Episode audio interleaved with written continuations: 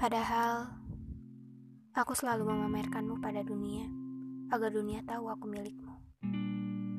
Tapi kau malah seperti enggan membahas tentangku dan seperti ingin memiliki dirimu sendiri.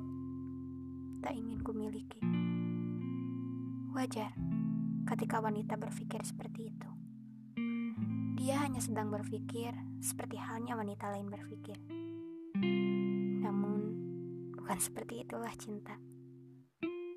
Bayangkan, jika keduanya menyerah, lalu siapa yang akan menggenggam? Keduanya akan jatuh. Setelah itu, hancur.